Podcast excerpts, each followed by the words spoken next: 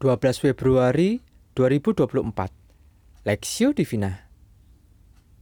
Matius pasal 5 ayat 38 sampai 42 Kamu telah mendengar firman mata ganti mata dan gigi ganti gigi. Tetapi aku berkata kepadamu janganlah kamu melawan orang yang berbuat jahat kepadamu melainkan siapa pun yang menampar pipi kananmu, berilah juga kepadanya pipi kirimu. Dan kepada orang yang hendak mengadukan engkau karena menginginkan bajumu, serahkanlah juga jubahmu. Dan siapa pun yang memaksa engkau berjalan sejauh satu mil, berjalanlah bersama dia sejauh dua mil. Berilah kepada orang yang meminta kepadamu, dan janganlah menolak orang yang mau meminjam daripadamu. Membalas dengan kebaikan perspektif. Janganlah kamu melawan orang yang berbuat jahat kepadamu, melainkan siapa pun yang menampar pipi kananmu, berilah juga kepadanya pipi kirimu. Matius pasal 5 ayat 39. Nampaknya masyarakat Yahudi di zaman Tuhan Yesus telah dituntun standar perilaku membalas seperti mata ganti mata dan gigi ganti gigi ayat 38. Hukum ini pada awalnya tidak dimaksudkan sebagai upaya balas dendam, melainkan lebih menjaga orang lain atau menahan diri agar tidak merugikan orang lain. Artinya, jika Anda tidak ingin kehilangan gigi Anda, jangan merusak gigi orang lain. Sebab gigi ganti gigi. Penghayatan terhadap hukum ini menjadi persoalan besar ketika hawa nafsu mengendalikan diri kita.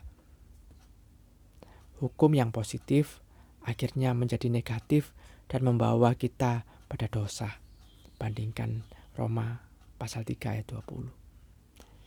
Itu sebabnya dalam khotbah di bukit Tuhan Yesus memutus rantai kebencian atau semangat balas dendam. Itu dengan standar perilaku yang berbeda. Bukan mata ganti mata atau gigi ganti gigi, melainkan tidak melawan orang yang berbuat jahat kepada kita. Bahkan siapa yang menampar pipi kananmu, berikan juga pipi kirimu.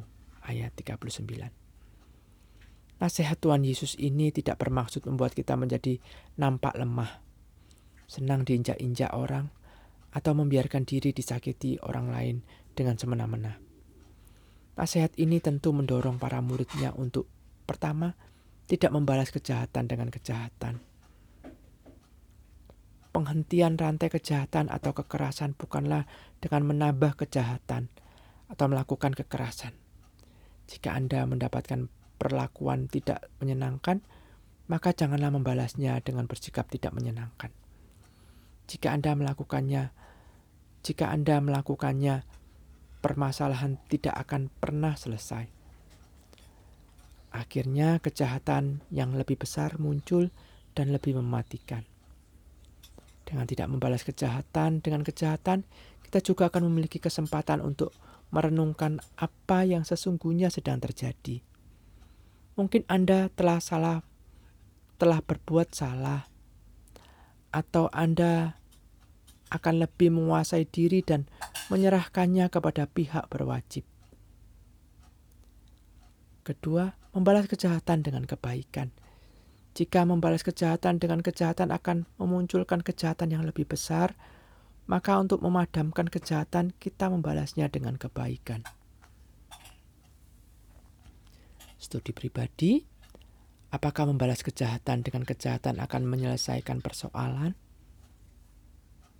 Bagaimana ajaran Tuhan Yesus bagi para muridnya tentang hal ini? Pokok doa, berdoalah bagi bangsa-bangsa di dunia yang sedang bertikai agar berdamai dan membangun kehidupan yang lebih baik. Doakan jemaat tidak membalas kejahatan dengan kejahatan tetapi dengan kebaikan.